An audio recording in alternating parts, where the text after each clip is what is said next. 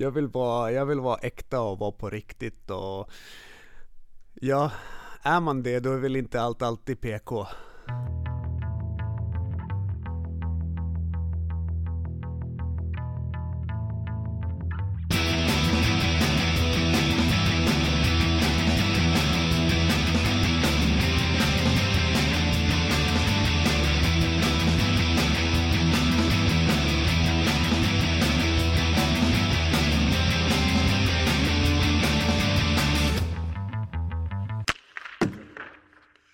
Hallå där semesterfirare, Micke Mjörnberg här. Det har blivit dags för ett nytt poddavsnitt. Den här gången med Kalmars nya tränare Viktor Torala Som berättar om hur det är att ta steget till Söderserien Om att tvingas lämna resan som han gjorde med Väsby i förtid Och hur han egentligen ser på sitt ledarskap men vi snackar också en hel del om hans mediala person, varför han vägrar tippa seriesegrare och lärdomarna efter den där ökända domarilskan i Hudiksvall Bland extremt mycket annat i ett oerhört matat avsnitt.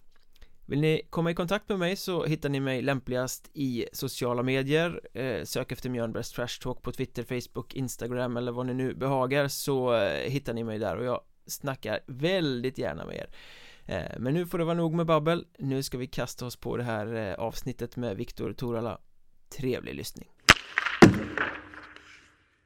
Idag har jag fått eh, besök av Viktor Torala, ny tränare i Kalmar, för detta tränare i Väsby Välkommen! Ja, tack så mycket! Hur är läget?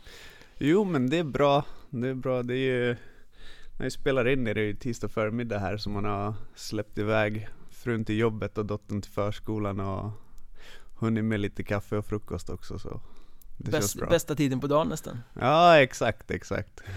Och veckan som gick så var du på någon form av eh, tränarutbildning på Bosön har jag förstått. Ja, exakt, det var sista träffen av eh, elittränarutbildningen. Eh, Så det var det var jättekul, det är fem dagar inlåst i en bubbla och prata hockey, då, då mår man. Vad händer på de där egentligen? För som utomstående så här så man hör ofta många tränare eller ledare eller så här, ja, jag ska till Bosön på någon utbildning. Så här, vad, Är det bara ett forum där man sitter ner och, och, och snackar eller är det praktiskt, tekniskt? Ja, det, det ändras väl lite från uh, gång till gång antar jag. Men, uh, men det är ju full, fullsmockat schema. Uh, blir också, Det tyckte jag var kul, blev lite innebandy på kvällarna också. Man fick, man fick svettas och Sen men mycket handlar ju också om det här utbytet uh, lite senare. Att det, det, är också en viktig del av det, skapa relationer sinsemellan och byta idéer. Men, uh, men jag tycker det är kul, jag, tycker, jag, jag trivs när man får uh, prata hockey hur mycket som helst, det tycker jag är roligast. Kallar man det för fortbildning eller? Ja, den här är väl fortfarande, den, är, den här är inte en fortbildning antar jag, det här är väl en, mer ett, ett steg i stegen. Okej. Okay. Eh, men, eh, men sen finns det ju de bitarna också. Och sen när man har gjort hela stegen så är man hockeytränare på riktigt. Ja, exakt. Ja, eller man säger väl att det är om man, om man har gjort alla steg och fått sparken, då är man väl tränare på riktigt. Ja, då börjar du närma dig nu då. Ja, exakt, exakt. Du måste få det på print bara. Eh, men gör man det en gång om året eller är det frivilligt? Nej, det, sen kommer ju fortbildningarna in när man har gjort alla steg, att då måste man upprätthålla det varannat år. Måste man gå någon fortbildning, någon hockeyconvention eller liknande. Och hur många steg måste man ha gjort för att få stå i ett bås? För det där har man ju läst om många gånger att huvudtränare anställs men man måste typ ha med en assisterande som har gått kurserna för ja. annars är det inte giltigt. Ja exakt, det är ju olika steg, nu har inte jag dem i huvudet men uh, det är ju ett krav i Hockeyettan uh, och sen är det ju ett annat för Hockeyallsvenskan, SHL och uh, J20 nationell. Då, mm. är det, då är det ett annat krav än Hockeyettan. Men sen det är, det är ju ganska många steg. Mm. Är, jag tror att det ändå är sex stycken totalt, sex eller sju och sen finns det olika inriktningar på det också. Det är så som en universitetsexamen man ska Ja, det, kan, det, det, det, det kanske är att grovt överdriva. De flesta kurser är på två dagar kanske. Så det är en grov överdrift. Jag gillar överdrifter. Eh, en annan sak som jag måste få avhandlat här innan vi, vi tar oss vidare. Eh, som du säger så sitter vi på tisdag förmiddag här. Det är slutet av juni. Igår spelade, när vi spelar in det här då så spelade Finland sin sista EM-match i gruppspelet. Imorgon när vi spelar in det här spelar Sverige sin sista gruppspelsmatch i, i gruppspelet. Var ligger dina eh, sympatier? Ja, det är ju Om jag ska ta det längre förklaringar här så Vi det, har all tid i världen. Ja exakt, nej men jag är då, jag är Vad man kallar sådana som mig, det är jag är Sverigefinsk ja. Och det är ju inte samma sak som finlandssvensk som, uh, som många blandar ihop utan det är att mina föräldrar är fr från Finland, födda och uppvuxna där. Uh, det, det är faktiskt mina syskon också födda där. Uh, men jag är född i Stockholm, uppvuxen här. Men finska är mitt modersmål. Så det blir ju en lite annorlunda grej i och med att i princip är jag uppväxt i en finsk hemmakultur i det svenska samhället. Så jag kan ju, jag har ju fördelen av att kunna se lite av båda världar. Mm. Och när det kommer till idrott så är det här väldigt unikt och väldigt svårbegripligt för många. Men idrott är ungefär så här enkelt för en Sverigefinsk person att uh, det går att heja på Sverige i allt förutom hockey. Okej. Okay. Det, det är ungefär så simpelt är det, att du kommer aldrig träffa en Sverigefinsk person i princip. Någon måste ju vara undantaget som bekräftar regeln dock, men uh, som kan heja på Sverige i hockey. Uh, men i fotboll är det en helt annan grej. Det är för, jag är finsk, men jag är också svensk. Så jag är dubbel medborgare och Eh, kan heja på det svenska landslaget i fotboll och relatera och eh, ja, eh, så fotboll har man aldrig behövt ställa sig frågan, det har inte varit relevant, men så i det här EMet så får jag lyckan att heja på två lag. Ja, du har liksom lyxen. Exakt. Åker något ut så kanske det andra går vidare och, Exakt, och exakt. Men om du då håller på Finland i hockey, det kan jag tänka mig en hel uppväxt i inom hockeyn i Sverige eh, problematiskt om man kommer in där och, och håller på Finland jag menar rent traditionellt så har ju Tre Kronors ställning i, i Sverige varit ganska stark Det håller väl på att urvattnas i och för sig men Har det varit problemfyllt genom uppväxten och, och heja på Finland? Nej men det, det blir ju ändå lite så att såklart att uh det blir lite glidningar fram och tillbaka under uppväxten och, uh, men, men det är väl det positiva i det att man lär väl sig hantera och förstå att folk är olika på ett bättre sätt få med sig någonting av det att ja, Viktor 12 år kanske inte var så bra på att hantera det men, men, men, men, men Viktor 32 är ganska bra på det. Du har kanske till och med har nytta av det i ledarskapet nu? Jo men det tror jag, och alltså framförallt tycker jag det här att som jag var inne på att eh, det, det, är en del av mig som är eh, finsk i det kulturella också, i det som speglar samhället och våra olikheter i det finska och svenska samhället eh, har såklart satt spår i ledarskapet också. Mm. Det finns vissa bitar där som är väldigt annorlunda från en, från en vanlig svensk tränare. Mm. Präglar det din syn på hockey i största allmänhet? Hur det ska spelas och Det tror jag inte det gör. Det mm. tror jag inte det gör. Uh, nej, det skulle jag inte säga. Utan den kommer ju mer från, jag, jag tittar på så mycket olika saker. Uh, så den tror jag inte är relaterad till uh, kulturarvet från det svenska eller finska.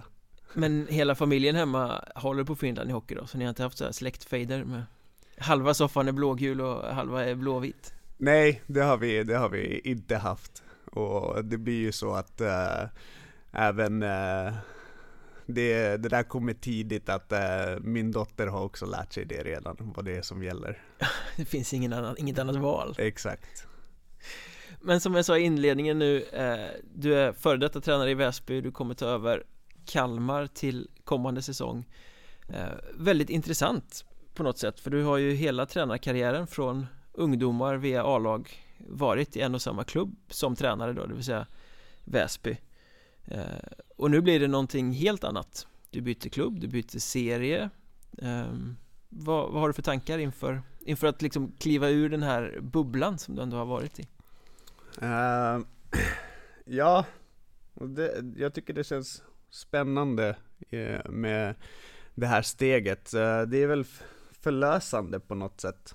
Att uh, att uh, få, få göra någonting nytt. Eh, få applicera allt det man har lärt sig under de här åren från dag ett och göra, försöka göra det bättre från start. Att eh, det, det vi kanske gjorde på fyra år i Väsby ska vi kunna göra på en kortare tid i Kalmar. Mm. Det, det, är, det är väl först och främst det som jag tänker på. För egentligen så har ju din resa och Väsbys resa om man tittar över de fem, sex senaste åren eller vad det kan vara är ju ganska eh, synonyma med varandra. Jag menar, du hade nästan ingen erfarenhet alls när du klev in i det här båset och laget var, om man ska vara ärlig, inte sådär jättebra heller och sen har ju Väsby som förening sakta men säkert tagit kliv och du garanterat utvecklats som ledare eh, liksom, Känner du att den, eller hur har den resan varit? Har den varit utvecklande på Ja, det är ju såklart den har varit det. Det är ju eh, lite som du säger, kom ganska tidigt, tidigt in i A-lagsverksamheten i Väsby. Jag hade ett år i juniorerna då eh, vi hade lite speciellt upplägg då vi hade J18 och J20 så eh, på, på, en säsong så fick vi ju två säsongers matchvana. Det var lite, det, det var lite galna helger där med vi kunde ha match både fredag, lördag, söndag och måndag. Eh, olika kepsar olika dagar bara. Ja, exakt. Men, men det var ju väldigt roligt. Så e- efteråt så tänkte man mer på att hur tog vi oss igenom det där och tyckte att det var jättekul. det, men, eh, men ja, men såklart det blir att när man kliver in i seniorhockey som, vad var jag, var jag 27 år när första seniorsäsongen startade att såklart man har mycket kvar att lära och att det har varit eh, någonting nytt varje dag i princip. Eh, och det, det som har också varit en rolig utmaning var ju att alla säsonger har varit olika förutsättningar. Du var redan inne på förutsättningarna år ett och sen var det lite annorlunda år två, lite mer förväntningar. Eh, framförallt i den östra serien. Eh, år tre då började väl förväntningarna komma in i en alletta också. År fyra så var det som mer ett etablerat toppgäng. Mm. Och år fem en helt ny situation igen. Hålla sig kvar i Allsvenskan ja, i stort sett. exakt. Vad tror du det betyder nu för dig som tränare? Att du kommer tillbaka till Hockeyettan och Kalmar men du har ändå varit uppe en säsong och känt på Allsvenskan. Eh, betyder det något för dig som tränare? Ja men framförallt när det kommer till att hjälpa spelare ta, ta kliv i sin utveckling. Att man på riktigt vet vad som räcker och inte räcker. Och vad som är till och med bra eh, och så vidare. Det är väl, det är väl främst det att man man har, man, har, man har inte bara sett det på TV eller sett det från läktaren utan man har sett det på en grå tisdag i november också. Mm. Uh, och kan peka på skillnaderna på ett, på ett uh, mer konkret sätt. Det är det som är det svåraste nästan, att motivera spelare en lunkmatch borta i Vallentuna en eh, regnig november, 28 november eller något sånt där. Ja, framförallt om det är i Vallentuna Det var känsligt. Men ni var ju ganska många där som utvecklades eh, tillsammans i Väsby under en längre period Ja, exakt och det, det bra. Det ger mig ett bra tillfälle också att nämna några som har varit extra viktiga. Och såklart vi har många spelare, men eh, jag började ju där tillsammans med Marcus Odén de två första åren. Och... Just det, ni klev in med delat eh, ledarskap. Exakt, exakt. Och vi hade eh, en rollfördelning där, men det var jättekul de två åren att få jobba med någon som är en så pass nära vän. Mm. Det gör det ju väldigt enkelt.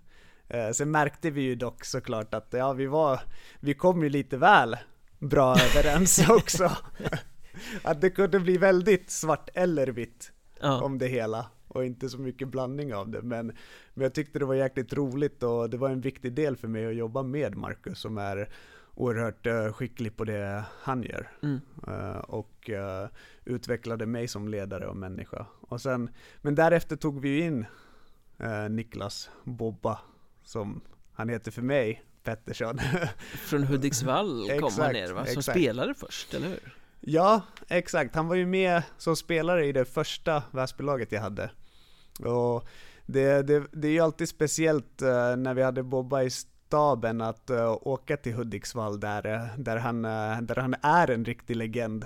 Det var ju då i, gå runt i ishallen i Hudiksvall med, tillsammans med Bobba, det var ju folk som stoppade honom hela tiden och skulle hälsa och prata och och han har ju faktiskt till och med haft en egen hamburgare på O'Learys där. Ja, jag vet, ja. jag läste det. Ja, Bobba-burgaren. Jag vet inte om det är liksom något positivt eller något negativt. det, är, det, det är ju positivt, jag tycker det är mäktigt eh, ändå att uh, O'Learys har haft en egen hamburgare efter honom. Men det var ju, uh, och det var ju oerhört utvecklande. Jag tycker det var jättebra med Bobba att vi var olika på ett helt annat sätt. Mm. Och, och han utmanade mig uh, och tillsammans så gjorde vi något väldigt bra av våra olikheter och kunde ha väldigt bra diskussioner i tränarrummet mm. som ledde till konstruktiv utveckling framåt. Uh, så han gjorde ett jättejobb också de åren och verkligen var en viktig faktor i det. Och, och ja, men till och med så pass, något som inte så många känner till det var ju att där att uh, ofta var det Bobba som stod för målvaktsvalen. Jaha. i, i matcherna. Det, var, det blev en liten grej där, han visade tidigt lite fingertoppkänsla och, och så, så, så körde vi på det. Så, så han var ofta den som, eh, den som stod för dem och det, det, det är ju lite roligt eftersom jag var ju målvakt. Men, ja. men, nej, men han hade bra track record ja, och, så han fick köra på det. Eh, sportchef Ternström är också målvakt så att man tänker att det skulle, ja, skulle vara ni som låg bakom det. Exakt, det blir, men han hade bra track record så han fick köra på det. Så det, det, det är också viktigt att credda på det sättet ja. när man får. Du tar inte äran för Ryttars uh, stolpputtning och sånt där alltså? Nej, nej det gör jag inte. Men, uh, ja, men hela resan med Väsby är ju intressant på det i och med att ni växer tillsammans. Men hur, hur sur blev avslutningen där? Att du fick inte Du fick inte avsluta det på dina egna villkor egentligen? När du Säger man sparken eller entledigad eller? Eh, det var väl lite luddiga formuleringar i det? Ja exakt, det är väl uh, officiellt sett så är man väl uh, Tjänstebefriad eller arbetsbefriad är man ju officiellt sett. Mm. Så det uh, Ja, nej men såklart uh, så, såklart det var en väldigt tung dag där och då. Mm. Uh, man kan ta det på olika sätt. Men uh, det är väl egentligen en av de sakerna var väl att uh, uppgiften som jag blev tilldelad handlade om att Väsby skulle hålla sig kvar i Allsvenskan. Det var aldrig något prat om att det måste vara att vi undviker playout. Utan var väl medvetna, alltså redan från första veckan att högst troligen så är playout en realistisk, ett realistiskt scenario. Det här blir eh, tufft. Ja, exakt. Så det var väl det att eh, det, det, hade varit mycket lättare ifall man nå, någonstans under vägen, vare sig det var i augusti, september, januari eller tio dagar före, hade fått någon kommunikation om att nej men nu har vi bestämt att det gäller att undvika playout och om det inte händer så gör vi en förändring. Då hade det ändå varit lättare att acceptera. Mm. Uh, men, uh, men det var väl egentligen bara den biten som, uh, som, som jag kunde hänga upp mig på. sen finns det mycket andra delar i det som, som jag känner att har varit nyttigt i, för mig som som person och ledare att lära mig från och ta med mig från en, från en sån upplevelse. Framförallt när det gäller till att prioritera vad, vad som är viktigt och ha ödmjukheten i det. Och vad är viktigt? Mm. Ja, men jag känner framförallt att det var Vi tappade kulturen lite grann. Uh, vi borde ha pausat någonstans där när det började bli att det var mycket nya spelare i november, december.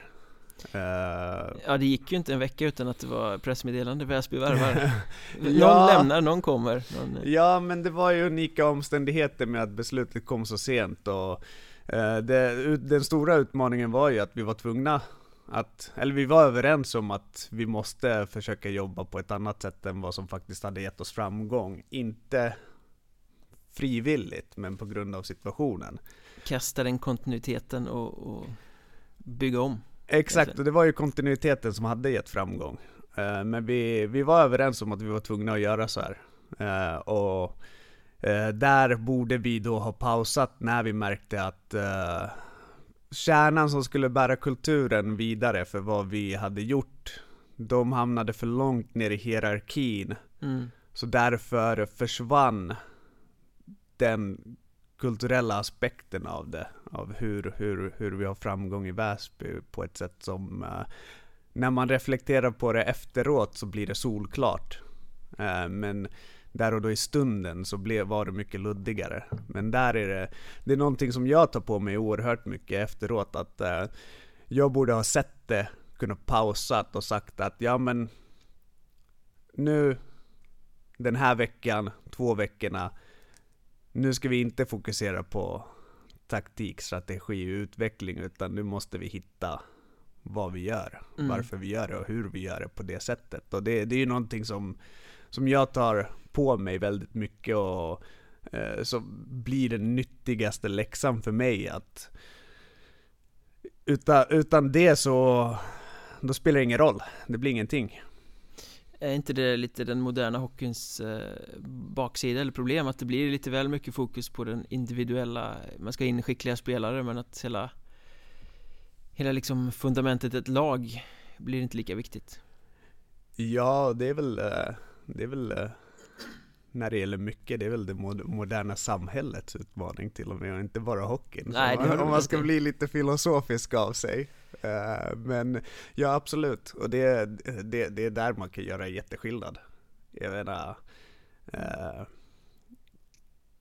om man backar ett år i, där och då i Väsby och så ta att, uh, jag menar, den klubben har ju under min tid aldrig haft förutsättningar för att ens vara ett topplag i ettan. Nu kommer de ju ha det. Ja, rent ekonomiskt pratar vi då så. Ja, mm. exakt. Mm. För alltså nu har de ju, de är ju mer än fördubblat spelarbudgeten till nästa säsong från och, och förra gången ettan. Förra gången ettan. Mm. ja. så, men, och det är så man gör skillnaden, att vi hade jäkligt stark kultur. Mm. Och jag menar människor i grupp, vi är ju kapabla till så jäkla mycket mer än eh, som individer. Det är en oerhörd kraft i människor i grupp. Vi mm. får varandra att växa om vi vill och kan åstadkomma stora saker och det har vi ju det har vi ju visat genom egentligen hela världshistorien på, på både gott och ont.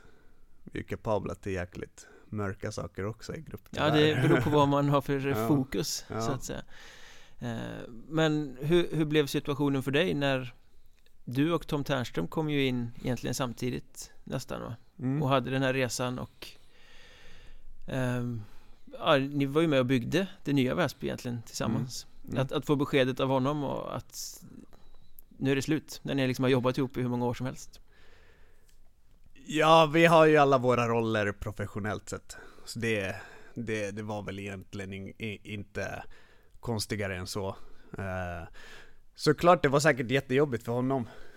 Uh, det hade väl inte gått.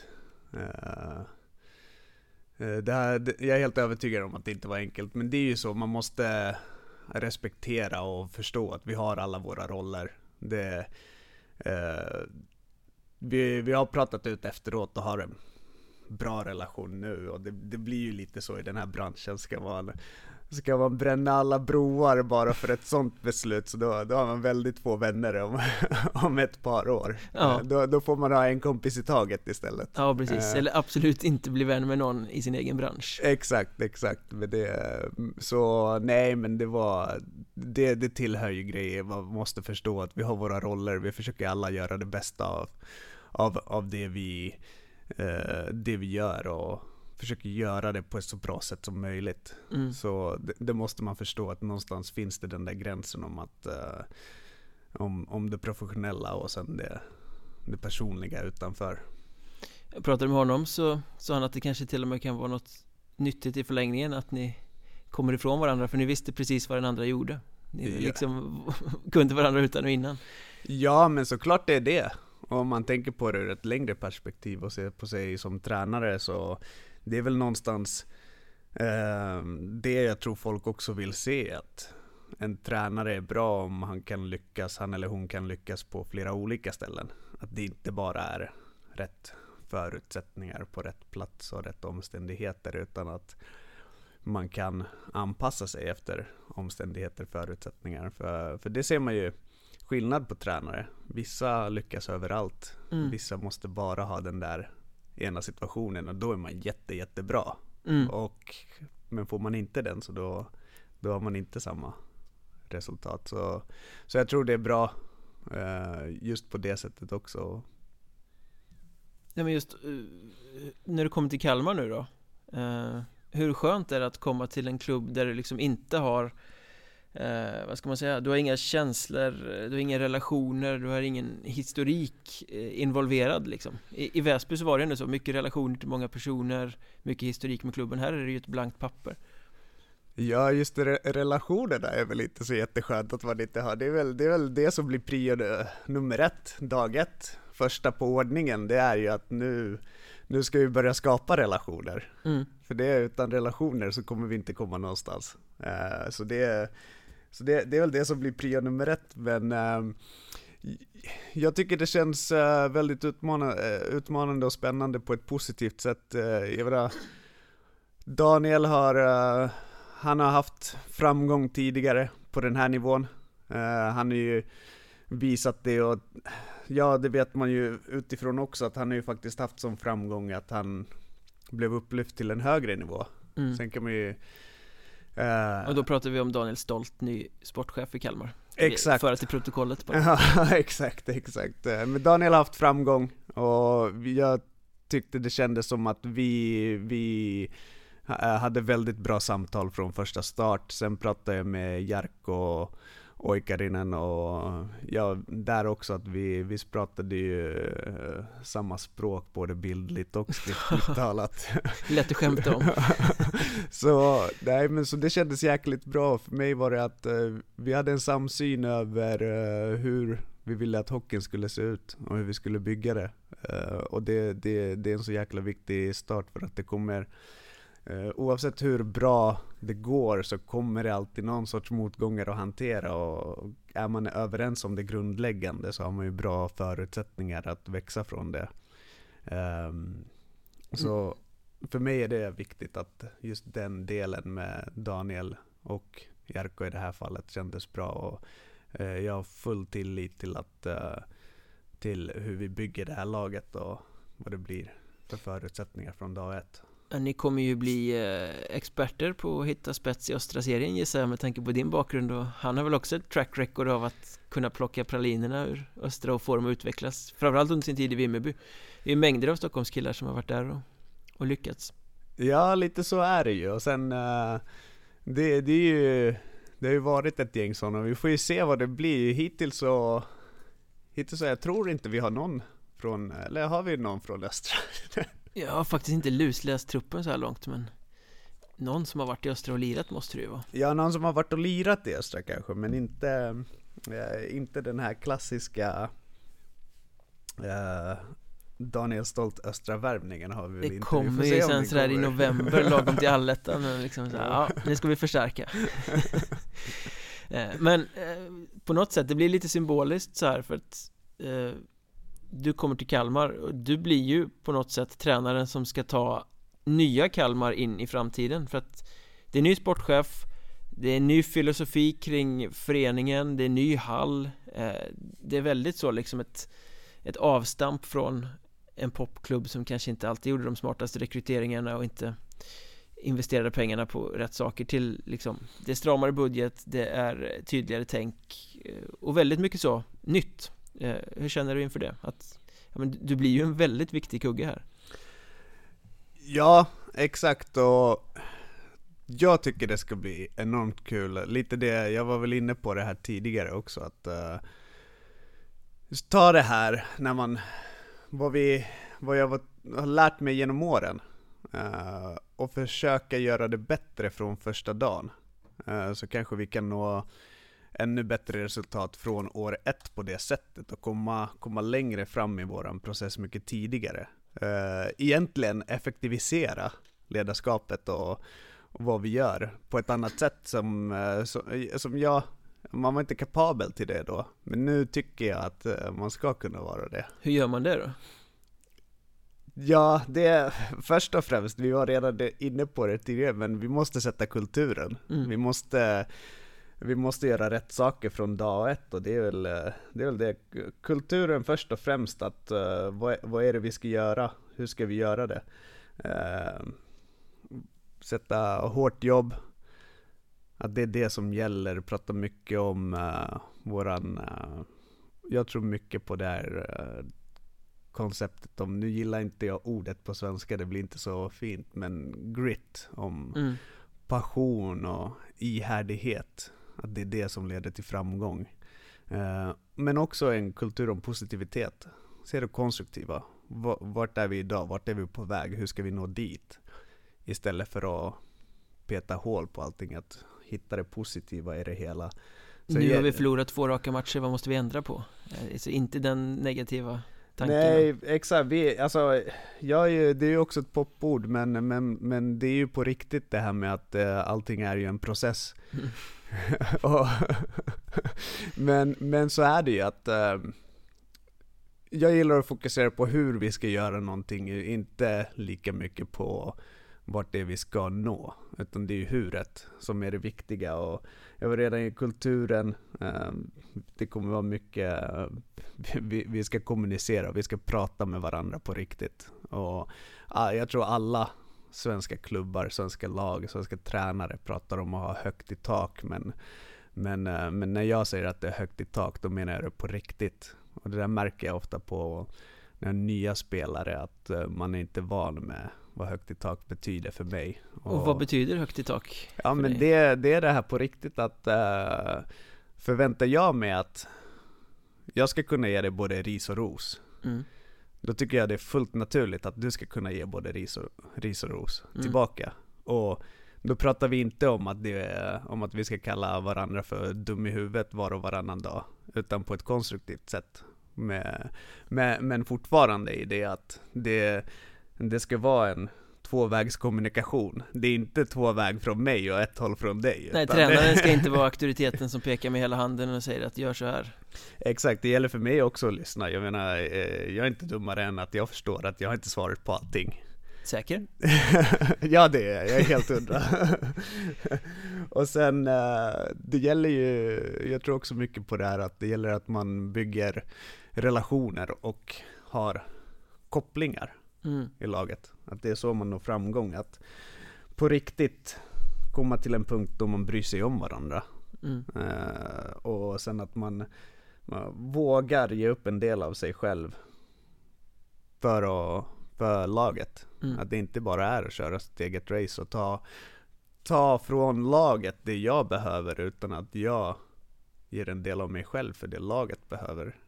Och där kan man ju dra hur långt som helst men en av mina största punkter som jag vill lära ut varje år, som jag pratar med spelare om varje år, det är att för mig är hockey en jättebra lärare för hur vi egentligen borde leva våra liv.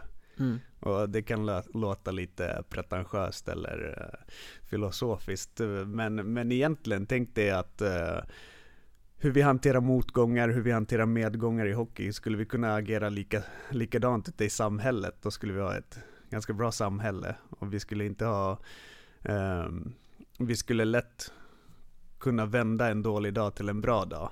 Och ta, mm. uh, solen går upp igen nästa dag och börja med ett bra fokus och inte fastna i negativa tankespiraler på det sättet. I, ifall vi tog de här möjligheterna att faktiskt lära oss av det vi får möjlighet och vi får ju träna i idrotten på på att hantera förluster och sett det i det stora perspektivet så finns det långt mycket värre saker än att förlora en hockeymatch.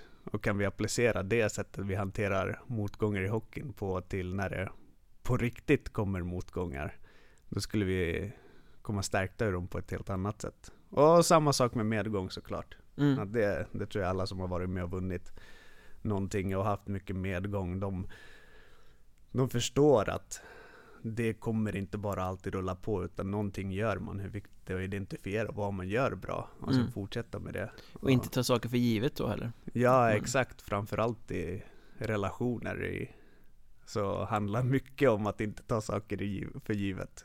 Utan fortsätta jobba på det. Ja, men det här att ha högt i tak kan jag tänka mig i, alltså i dagens klimat som är ganska individualistiskt eh, och med en ung generation spelare eh, det kan vara rätt svårt. Och, och liksom, många är lättkränkta och det är liksom jag kan tänka mig att man måste jobba ganska hårt med det. Det kanske är enklare för dig som ju själv är ganska ung och, och Mm. har en förståelse än kanske några generationer bak tränare som kommer in och har en helt annan skola. Och det har man ju sett många gånger att det liksom det krackelerar fullständigt Jag tror det handlar om förtroende. Att man måste, det, som, som tränare så har man inte det för, förtroendet från spelaren, då kommer det alltid vara att, ja det kanske tekniskt sett är högt i tak, men det man får tillbaka är ju bara det som spelaren tror att man vill höra. Eh, men finns förtroendet för, för mig då, i det här fallet, så då vågar man säga vad man på riktigt tycker, och det är då det blir riktigt konstruktivt. Men det är ju ingenting som händer från dag ett. Nej, Det är ju någonting eh, så- som jag måste jobba fram från spelaren. mm. Eh, Det räcker inte med att säga hej jag heter Viktor, jag vill att du är ärlig mot mig. Och jag lovar att inte straffa dig om du är det, utan det gäller att verkligen visa att jag säger inte det här, jag menar det på riktigt att jag, jag vill höra vad du tycker. Mm. Det är samma sak som med barn egentligen de, de gör inte vad du säger, de gör vad du gör Ja, exakt, exakt, lite så, men Lite så är det väl. Nej, du måste vinna förtroendet Ja, jo men exakt. Men gäller det också, det gäller inte bara eh, det hockeymässiga då utan jag menar en spelare ska kunna komma in i tränarrummet och säga att fan nu, nu är det tufft hemma alltså jag, jag vill inte jag kan inte göra mig själv rättvisa här för att det är jobbigt privat liksom. Har du den typen av öppenhet som ingår i ledarskapet då också? Ja, det är ju någonstans man vill komma med. Jag vill komma med alla. Eh, det, det, jag tycker det krävs ju en helt annan grej. Eller från, från spelarens sida att våga lyfta upp det utanför. Men det är ju dit man vill komma. Att, eh, jag menar, jag, kan, jag har haft diskussioner med spelare som, eh, som ja de har varit 13 forward eller 14 forward, 8 back och där, där jag tyckte det har varit så, det är väldigt fint egentligen, där man fått spelaren att förstå att ja, att, att du inte spelar handlar om hockeymässiga saker, men min första fråga till dig Mm. blir fortfarande hur mår du? Mm. Vad, hur går det utanför? Att det är där vi börjar för att någonstans, vi är personer som sedan också spelar hockey. Vi är inte hockeyspelare som sen råkar vara personer utanför. Utan, eh, men när man får det förtroendet att spelare vågar prata om de här sakerna och, och verkligen visar att eh, de vill ha stöd. Att, eh, jag tycker man har verkligen kommit någonstans när en spelare kommer med ett problem eller en livshändelse som inte har någonting att göra med det, vi kommer, eh, det som händer på isen utan, eh, utan eh, vill lyfta och fråga eller bara dela med sig av någonting. Jag tycker det är så mycket större. Mm. De har ju kommit någonstans oerhört långt som ledare. Det blir, tränarrollen blir en psykologroll också Ja, men då är vi tillbaka till det här att då har man ju skapat relationer och med relationer, det är ju så man, då uppnår man mer. Mm. Att det, känner man kopplingar och har relationer till varandra, då är det inte så svårt att offra smärtan i mitt högerben för den här pucken för de Mm. 24 till 30 andra. Eh, när man verkligen bryr sig om varandra på det sättet och känner, känner den kopplingen. Eh, det är jättemycket svårare om man inte gör det, utan man är bara där för att suga ut det mesta från laget. Då, då, då, då offrar man kanske inte svartan i sitt högra ben. Nej. Ursäkta att jag stör så här mitt i men jag vill bara lite kort upplysa om att det går att stödja podden via Patreon. Eh, med några få riksdaler i månaden så kan ni hjälpa till att göra podden bättre och komma mer regelbundet. Eh, och ni som stödjer podden, ni får naturligtvis också bonusmaterial. Den här sommaren till exempel eh, extra poddar där poddgästerna pratar om utvecklingen av svensk hockey. Regeländringar de gärna skulle vilja se, fördelarna och nackdelarna med Hockeyettan och en massa annat gott tugg Som alltså finns som bonusmaterial på Patreon. Kolla in patreon.com, sök efter Mjölnbergs Trash Talk så står det precis där hur man gör. Det vore ju jättefint och jag tackar ödmjukast om ni skulle vilja stödja podden.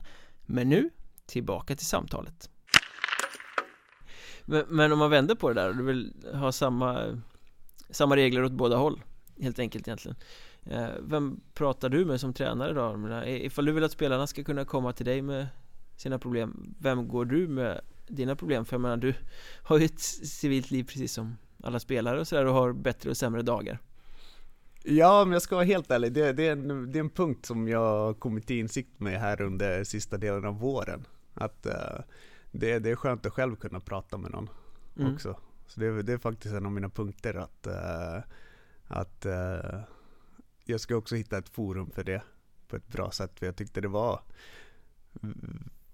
väldigt förlösande och konstruktivt när jag fick möjligheten att göra det för några veckor sedan. Det, det, det var en väldigt bra poäng för eh, det är precis samma sak tänkte jag på. Att efter det att det här kändes ju jättebra. Och då tänkte jag att jo, men det är exakt så här jag vill att en spelare ska känna. Mm. Och då kom jag på att ja men det är väl lite korkat att inte göra samma sak själv då Ja man kan, man kan inte bära hela världens börda på sina axlar liksom, eller ett helt lags börda på sina axlar heller Man måste ju ha en ventil någonstans Ja exakt och såklart det är en del av det i äh, gamla vanliga och om man inte har någon annan att gnälla till så gör man det till sin äh, fru som är väldigt stöttande och förstående och villig att lyssna på en men, äh, men jag tror det är bra att ha ett annat forum också mm.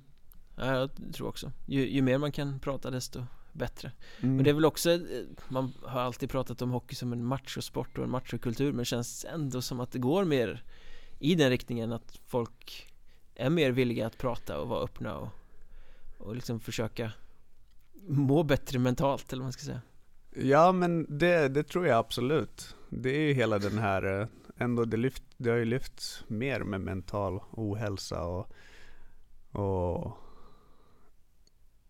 och alla aspekter kring det. Men det är väl som med vilken... Ja, jag tror ju så jäkla mycket på att kommunikation är så viktigt och det spelar ingen roll vad man gör. De flesta problem löser man genom att kommunicera. Det, du kommer åt i alla fall 9 av 10 problem genom att kommunicera och de uppstår oftast genom att man inte har kommunicerat. Mm. Utan och folk kan köpa att man har olika åsikter det, folk är inte dumma i huvudet och orimliga. Det, det, de flesta är inte det.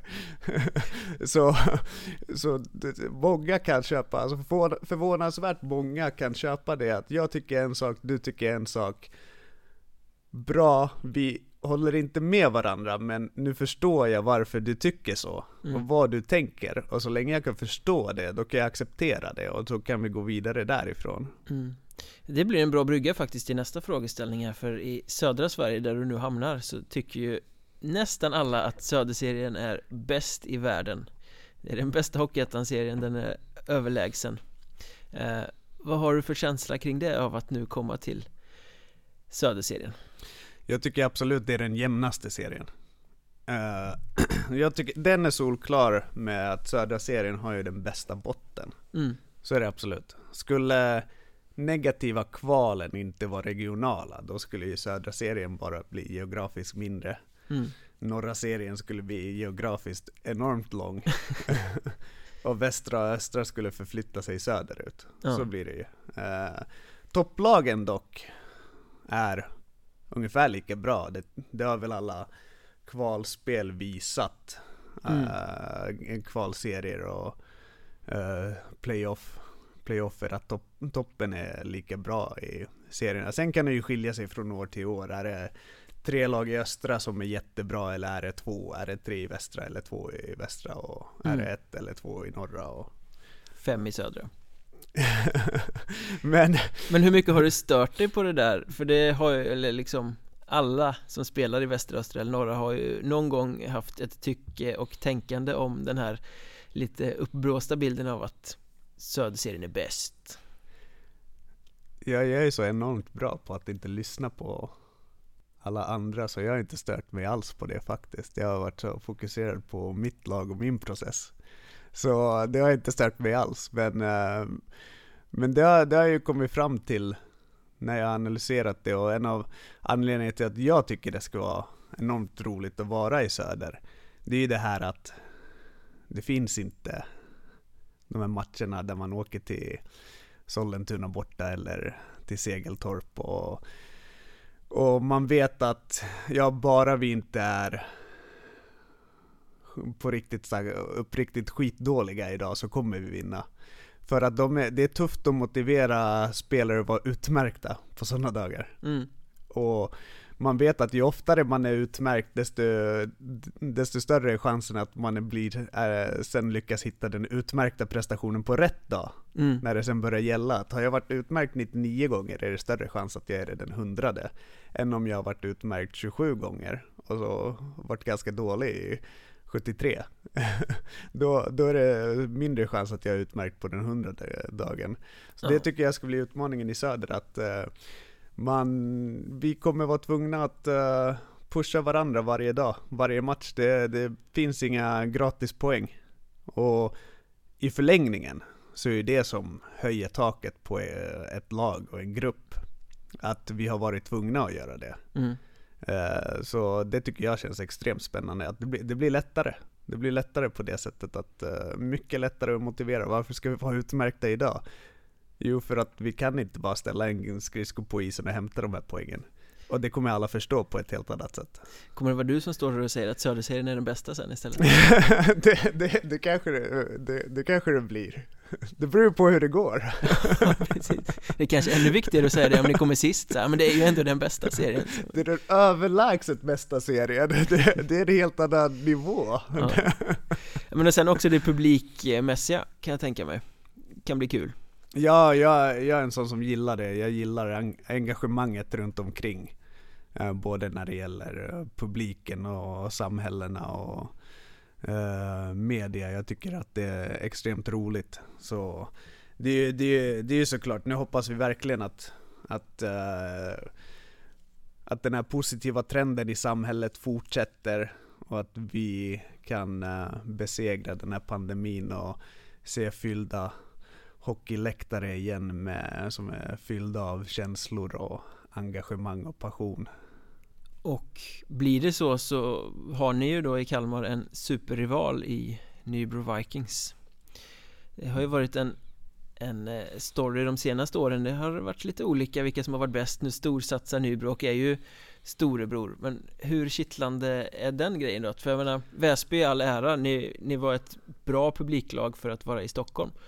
Eh, och nu när ni fick möta AIK i Hockeyallsvenskan så fick inte publiken vara med. Men det har ju liksom aldrig funnits någon sån rivalitet på något sätt. Nu kommer det ju till Ja det är väl Skövde och Mariestad kan väl mäta sig Kanske Vimmerby Tranås men annars är det ju den absolut hetaste Ja Kiruna-derbyt såklart. Men en av de absolut hetaste rivaliteterna i hela ligan. Ja exakt. Och till och med eh, bland de hetare i hela hockey-Sverige. Mm. Uh, så det ska bli kul. Nu, uh, som du var inne på, det har väl gått lite vänder där, men jag tycker det ska bli oerhört roligt att, uh, att ha en som derbyrival. jag känner själv att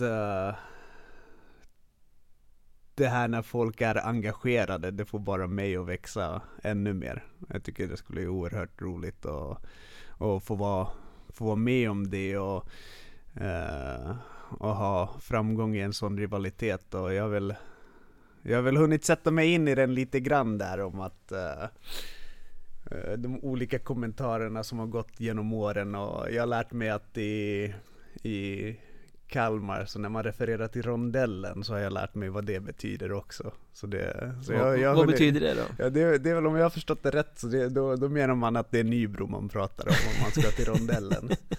Eh, så det, det har jag lärt mig.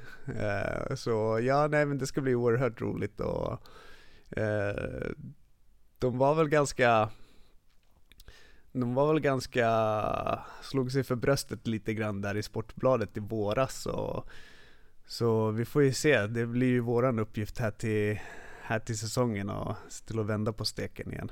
Har du någon relation till Nybro sedan tidigare? Det, nej, jag har ju varit där. Men det, är, det, det är det enda. Eh, det är det enda egentligen.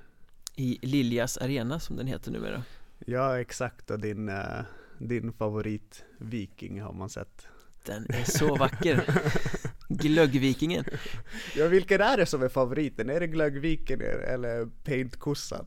Ja, Glöggvikingen är ju, är ju eh, fin Paintkossan som ju då är Mariestads lag. Den är ju bara fulsnygg. Det är en extrem hatkärlek till den, ska jag väl säga. Eh, men du är ju en karaktär på så sätt att du är ju inte rädd att bjuda på citat när du är på det humöret.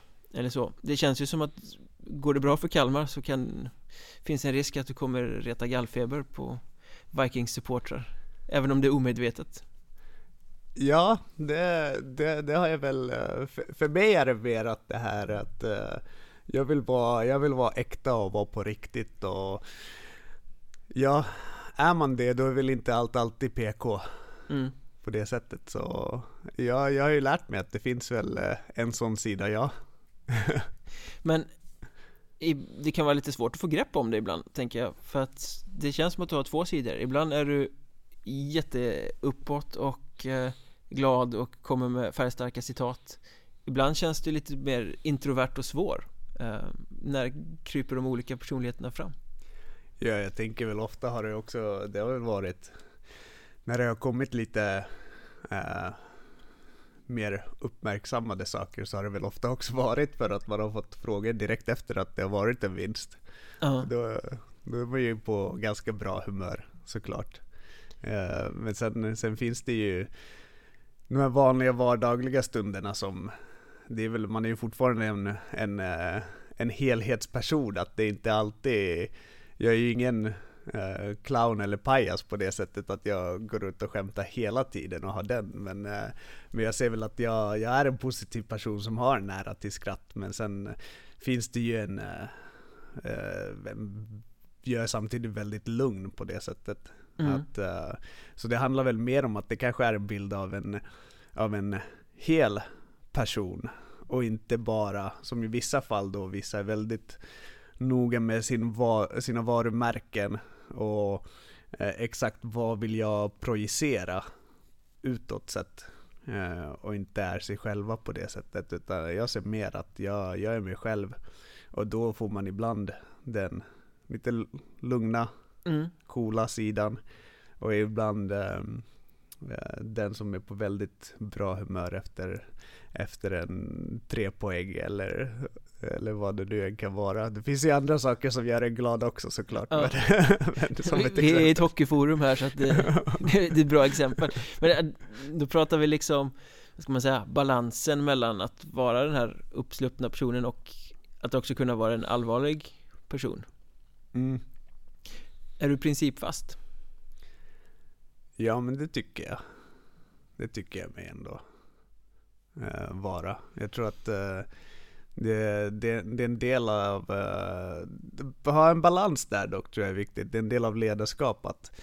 Man, jag har lite kärnvärden som för mig inte är förhandlingsbara som hockeytränare men sen har jag ett par saker där jag kanske har funderat på att det finns två, två bra sätt och valt det ena eller det andra bara för att man måste välja det ena eller det andra men sen under, under en säsong så kan man eh, också förhandla med det baserat på vad det är för grupp man har. Mm.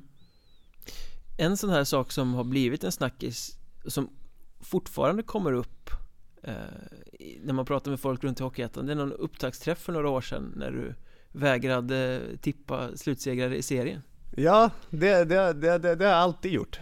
Faktiskt. Ja, och det är liksom så här, oh, från många olika håll så här, ja, Viktor Thora, ja det är han som inte tippade slutsegraren det visste inte jag eh, och, och, jag tror att det har byggt, eller många utifrån det här kanske fått uppfattningen om att du är lite butter Eller sådär Ja, det var ju, det var ju faktiskt lite roligt. De, de blev ju på riktigt arga förra hösten. När jag inte ville tippa. I Allsvenskan då? Ja, de, de blev ju på riktigt arga och det, det blev telefonsamtal hit och dit. Eh, men det är egentligen för att jag tycker, eh, jag tycker det är lite larvigt. Principfast? Ja men varför är det inte, alltså för det första jag, jag kan ju aldrig tippa något annat lag än mitt egna lag Nej. till vinnare.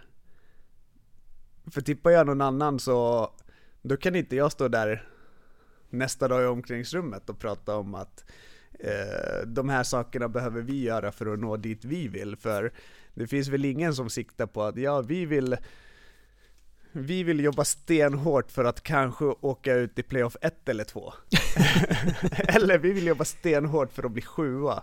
Ja. Utan, eh, eh, så, så det är dels den, att jag tycker inte man kan försvara att tippa någon annan än sig själv. Eh, för att sen när man ska ner i gruvan och jobba så då måste man ha den mentaliteten att man strävar efter att vara, vara utmärkt. Du är inte Eh, typen som gillar att, som man säger, citattecken, eh, lägga över eh, favoritskapet på andra.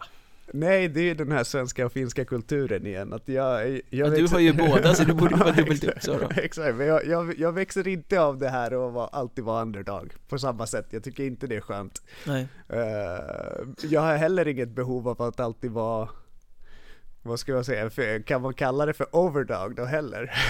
men, men, eh, men ja, men jag, nej, jag har aldrig tippat, jag tycker, jag tycker det är lite larvigt. Och sen bara, jag vet inte vem som ens tycker det är intressant att veta vem, ifall jag inte får välja mitt lag, vem som jag skulle tro vinner i sådana fall eller någonting sånt där. Så jag har bara alltid vägrat.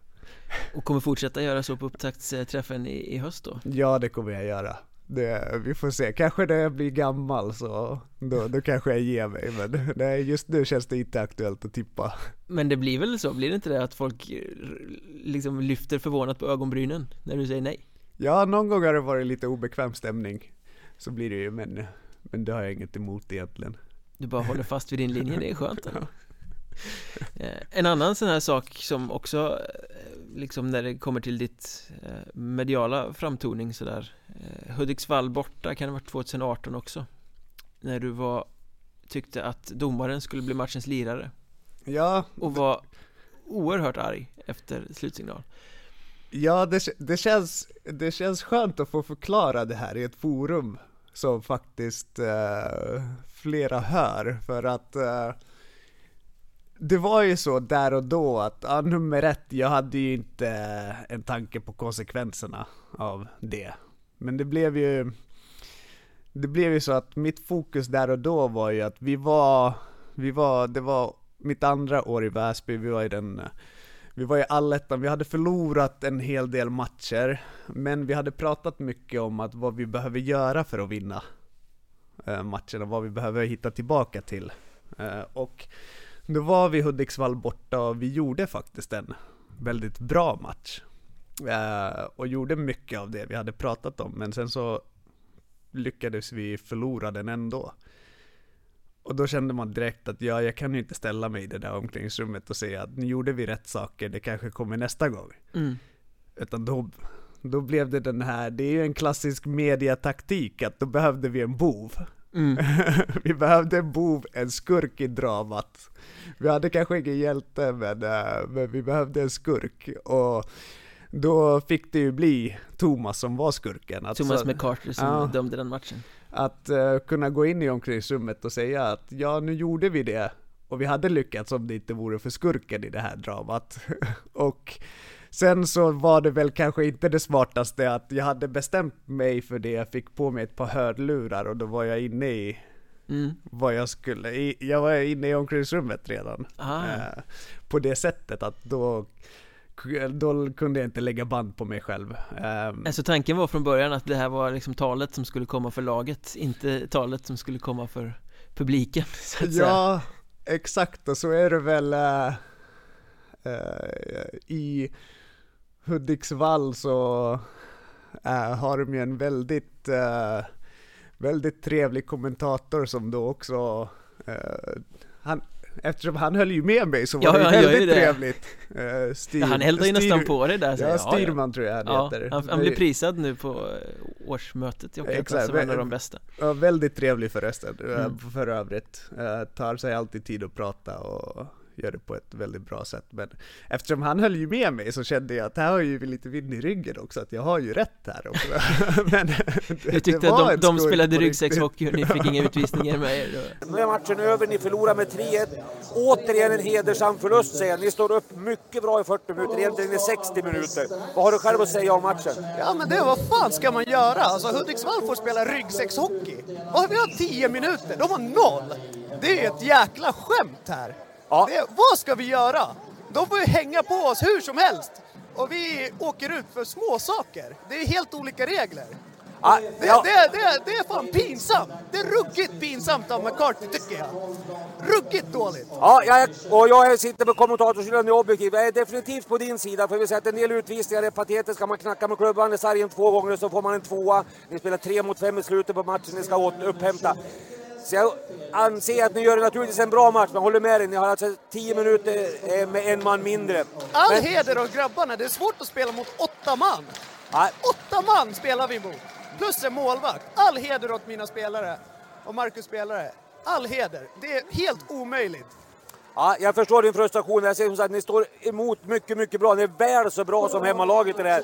Eh, vi kan lätt kort säga bara, vilka, har du någon spelare, något speciellt du vill framhäva ändå? Trots att det är i besvikelsen här står det lite eh, förbannad helt enkelt. Ja, jag tycker McCarthy är matchens lirare, helt klart. Han, honom vill jag framhäva. Då, tar, då tar vi med honom med som matchens Ja, lirare. han är matchens lirare. Ge honom allt. Vad, vad än priset är, ge honom det. Och ge fan Hudiksvalls pris också. Han var bäst där också. Men det negativa härifrån var ju att som, som jag har tagit med mig nu, det är ju det här att jag hade ju inte en tanke på Thomas.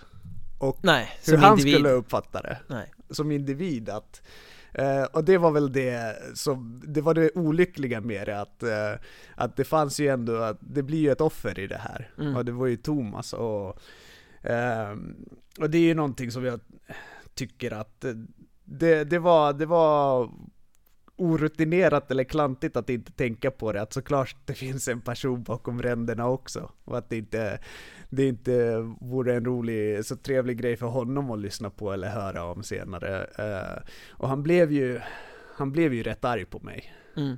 Så var det ju. Eh, och han var fortfarande, han var arg på mig i nästan två år. Så ni fick inga utvisningar med er när han dömde? Nej, men sen hade vi ett jättebra snack. Jag och Thomas faktiskt. Mm. Och eh, förhoppningsvis har inte jag rivit upp några gamla sår här, utan att vi fortfarande håller fast vid att vi hade ett jättebra snack och är överens. Men, eh, men eh, om han hör det här så då, då vill jag att han ska veta att, eh, att eh, jag har insett vad som var fel med det eh, på det sättet. Men men ja, vi hade, det viktiga där är ju att det, det var ju intressant att vi hade ett jättebra snack sen två år efter och verkligen eh, gick vidare från den. Men jag hade ju inte en tanke där och då på, på, på honom. Mm. Och det var, det var väl det som var olyckligt att för det fanns inte bara en skurk för oss men det fanns ett offer på riktigt också. Ja. Och det är väl någonting som jag har dragit mig för efter det. Och det ska jag vara i en lite allvarligare ton att det finns ju ändå en problematik med, med klimatet kring domare och eh, att de kan utsättas för hot. Och i SHL har det ju varit eh, till exempel att det, en domare har åkt till jobbet och så sitter en polisbil utanför för att vakta familjen. Och Ja, så ska det ju verkligen inte vara. man, man måste ta ansvaret och tänka ett steg längre. Att, eh, eh, och det, det är väl min främsta lärdom därifrån. Att tänka ett steg längre. Så nu om jag sågar domarna så gör jag det på ett helt annat sätt. Du lärde dig av misstaget helt enkelt om man säger Ja så. exakt, och det, det, får jag, det, får jag, det får jag tacka Thomas i det här fallet som hjälpte mig också med det. Det tyckte jag var fantastiskt och det blir det. Om man, om man inte kan lära sig av sina egna misstag så blir det väldigt tufft. Man Mm. får vara så pass ödmjuk och lära sig. Men följdfrågan på det här blir ju ganska intressant i, eh, liksom, är det viktigt i ledarskapet att kunna brinna av på det där sättet ibland? Att det liksom bara kommer någonting Ja men som är ganska explicit och rakt upp och ner och från hjärtat liksom Jag tror att alla kan uppskatta att man är passionerad mm. Jag tror, eh, jag ser det som att jag har en oerhörd passion för hockeyn. Och alla kan köpa att när man är extremt passionerad så kommer det komma någonting någon gång. Och det kan vara både positivt och negativt, eller jätteglatt eller jätteargt. Eh, men jag tror det gäller att undvika att vara väldigt känslosam på det Mm. sättet att det får inte bli en berg och dalbana. Nej, du får inte bli labil liksom. Nej exakt, det, får inte bli att nu, nu börjar säsongen så nu jäklar drar vi med oss truppen på en berg och dalbana här och från måndag, tisdag, onsdag så har jag ingen någon aning om, är det upp eller ner idag? Eh, utan eh, passion absolut, men inte känslosam på det sättet att det blir hela tiden. Eh, men om man, om man lever passionerat så någon gång kommer det ju någonting och då, då kan alla köpa det och egentligen tror jag uppskatta det. Mm. Eh, Ingen vill ha en, en, en eh, robot där framme, det tror jag inte. Inte Nej. ens i dagens samhälle. Nej, tveksamt Eh, Det går mer och mer åt det hållet tyvärr så att, Men vi, vi berörde det nyss Du fick ju göra rätt mycket mer kameraframträdanden under Hockeyallsvenska säsongen nu och blev väl lite en karaktär Folk gillade dina eftermatchen intervjuer just för att du när du har vunnit så är du glad och så kan det komma lite vad som helst Men Alltså vad händer? När du får på dig headsetet och ska, Den mest kända var väl den här eh, när du rök ihop med Anton Blomqvist och Fick frågan vad vad ni hade pratat om och du pratade om att ni hade utbytt frukostrecept Ja, exakt. Och det, det, det har väl två saker. En så är det bara uppriktigt sagt att eh, jag tycker de flesta tränare är enormt tråkiga. Att det, Eh, Jag det, håller med det blir nästan en tävling i att hur snabbt kan jag få tittaren att stänga av tvn för Mm. att jag är så tråkig. Eh, så en del av det är den biten att jag tycker det är roligare och man kan bjuda på sig själv lite grann och vara, vara en, eh, ja men lite som jag var inne på, vara, vara, en, vara en person på riktigt. Som, där det ändå finns lite känslor med. Så det är väl den, det eh, ena delen i det. Men sen också att ibland blir det ju så att man får ju frågor man eh, inte vill svara på. Ja, Och då finns det ju två, två olika vägar att ta där. Så om vi tar det här exemplet då med efter att eh, det hade varit en ordväxling mellan spelarbåset som hade fångats på kamera så då då ville inte jag berätta eller prata om detaljerna i det utan valde att styra det någon helt annanstans. Och därmed inga följdfrågor om det jag inte ville prata nej men om. precis, det är en ganska smart strategi för att Vad ska man som reporter göra för någonting på ett sånt svar kontra om du bara säger nej det, det var inget Mm, då kommer det en följdfråga eller Ja. två och då kanske det kommer en knivigare följdfråga men ifall det istället styrs åt ett helt annat håll så då kommer det inte samma sak. Ja. var min tankegång där och då. ja. Men njöt du av det där att komma upp i en division där Det var lite mer eh, intervju och lite mer den typen av situationer Kontra Väsby då som var ganska Ett bra lag men ändå en anonym tillvaro i östra serien Ja men ja, det, jo men det, det gör jag och gjorde jag, tycker jag ändå. Jag tycker det är kul.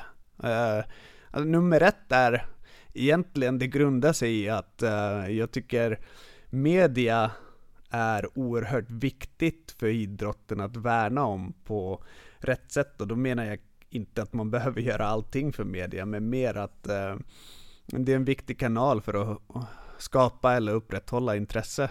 Och uh, att det skrivs om hockey på national, regional eller oerhört lokal nivå eller sänds eller lyssnas. Det gör ju att det upprätthåller och skapar intresse. Och eh, ifall, ifall någon vill lyssna på mig på det jag har att säga om någonting på grund av vad jag jobbar med så då tycker jag eh, bara det är positivt att, eh, och att det tillhör att jag ska kunna dela med mig av någonting. Och det, det är mitt ansvar gent, tillbaka gentemot sporten egentligen. Att, eh, att dela med mig av de sakerna. Det, det ser jag är viktigt för helheten. Då blir det skönt att komma till Söderserien för att återknyta till det då där Det kommer ju bli medialt punktmarkerade Eh, Mycket lokalmedia i Kalmarregionen och Söderserien överhuvudtaget Känns som det kan passa dig rätt bra då Ja men det tror jag, jag, jag är väl bekväm med det. Jag tycker det, ja men som jag sa, vi, vill någon höra vad jag har att säga, då har jag inga problem att prata. vi, vi, är man inte intresserad av vad jag har att säga, då har jag inga problem med det heller dock. Men Nej, du måste inte vara stjärnan som står på piedestal och, och Det- predikar. det är exakt, jag, jag, jag söker inte upp någon uppmärksamhet, utan, eh, men jag, jag är mig själv. Och tycker man att, eh, tycker någon att jag är intressant för någonting så, då har jag inga problem att dela, dela med mig. Vilken är den bästa hockeyklyschan? Alltså jag tyckte den var Jag tyckte, det var ju ingen klyscha men nu har det blivit det. Men det är ju absolut det här med tävla. Ja. Det är det mesta. Det, Men det var ingen klyscha för bara några år sedan. Nej men det är ju sånt där modeord precis som process. Alla ska Ja. prata om, vi- vi måste ha spelare som vill tävla. Ja, men det, det blir ju, det gäller att definiera Ha det klart för sig Vad, vad tävla är och så vidare Men det, det, det är väl kanske den jag använder mest Ja. Själv, av de här klyschiga modeorden Men då måste du ju kunna backa upp det också för att bara prata om att man vill ha spelare som eh, tävlar Det kan ju vara, eka väldigt tomt För det är ju aldrig någon som definierar det egentligen Nej, inte utåt sett. Det är, så är det inte så. Men jag tycker det är viktigt att definiera det inåt sett. mm. Så är det ju. Så, ja, ja, ja, för mig personligen, jag har en lite, liten ordbok vad det betyder. Vad definitionen av Viktors lilla röda som du delar ut till alla spelare Ja, exakt. Nej, men brukar hänga upp en liten, eh, om vad, vad, vad, vad betyder det sådana här saker som är väldigt, väldigt stora klyschor men som är utarbeta och tävla. Eh, vad, vad betyder det att vara disciplinerad och desperat? För att Mm. det tycker jag är, det är viktigt att eh, definiera inåt och det är jätteenkelt att använda utåt. Och det är väl som processen, samma sak där. att eh, det, det definierar vi också ganska tydligt vad det är för någonting, men, eh, men utåt sett så kanske vi inte pratar om alla detaljer. Dels för att det blir väldigt långdraget, inte kanske jätteintressant, men sen också för att det är enklare med de här lite grövre uttrycken och För att ta en helt annan klyscha då, tydlighet Det är det det handlar om Alla ska förstå ja, exakt, exakt. exakt. Så i vinter kommer vi få se ett tydligt ledarskap i Kalmar som kommer spela med passion och göra allting för laget Om jag ska sammanfatta det Ja, exakt. Tävla och jobba hårt. Ja, lägga puckar på mål och åka mycket skridskor också va? Exakt. Lägga pucken på mål, det är ju bra. Vi måste få in trafik och närvaro på kassen. Tänk vad enkelt det kan vara med hockey ändå Ja, exakt. Världens simplaste, mest komplicerade sport. Precis eh, När flyttar du till Kalmar? Eh, För mig blir det efter sommaren. Ansluter lagom till att eh, försäsongen drar igång då Exakt, exakt. Det blir det som är planen. Så förhoppningsvis får, får jag ta del av det här Kalmar som ska vara så oerhört fint på sommaren. Som man har hört extremt mycket om. Ja, det är en trevlig sommarstad faktiskt Ja, exakt. Det är väl, eh, det är väl lite som eh, Lite som Visby som är oerhört fint på sommaren men eh, där i december så är det inte jättefint. Du ska ändå bara sitta nergrävd i datorn och kolla på matcher och göra ett analysarbete Ja, jag är ju tyvärr en sån som älskar att jobba i gruvan. Det är, det, det är bland det roligaste jag vet att nöta, nöta timmarna där för det känns så jäkla belönande när, när man får frukt för det. Så, så, blir det ju, så blir det ju faktiskt på riktigt att det, det eh, vi ska ner dit och vi ska ner i gruvan och så, så ska vi få, få skö- skörda frukten av det också sen på våren. Se hur långt det räcker Mm. Ni får lycka till i Kalmar Ja. och kul att du ville vara med Ja absolut, det var som jag sa, vill någon lyssna på mig så har jag inga problem att prata. Jag tror att de som har hängt med så här långt är mer än nöjda ja, jag hoppas det, jag hoppas det. Det vore, det, det vore roligt och definitivt.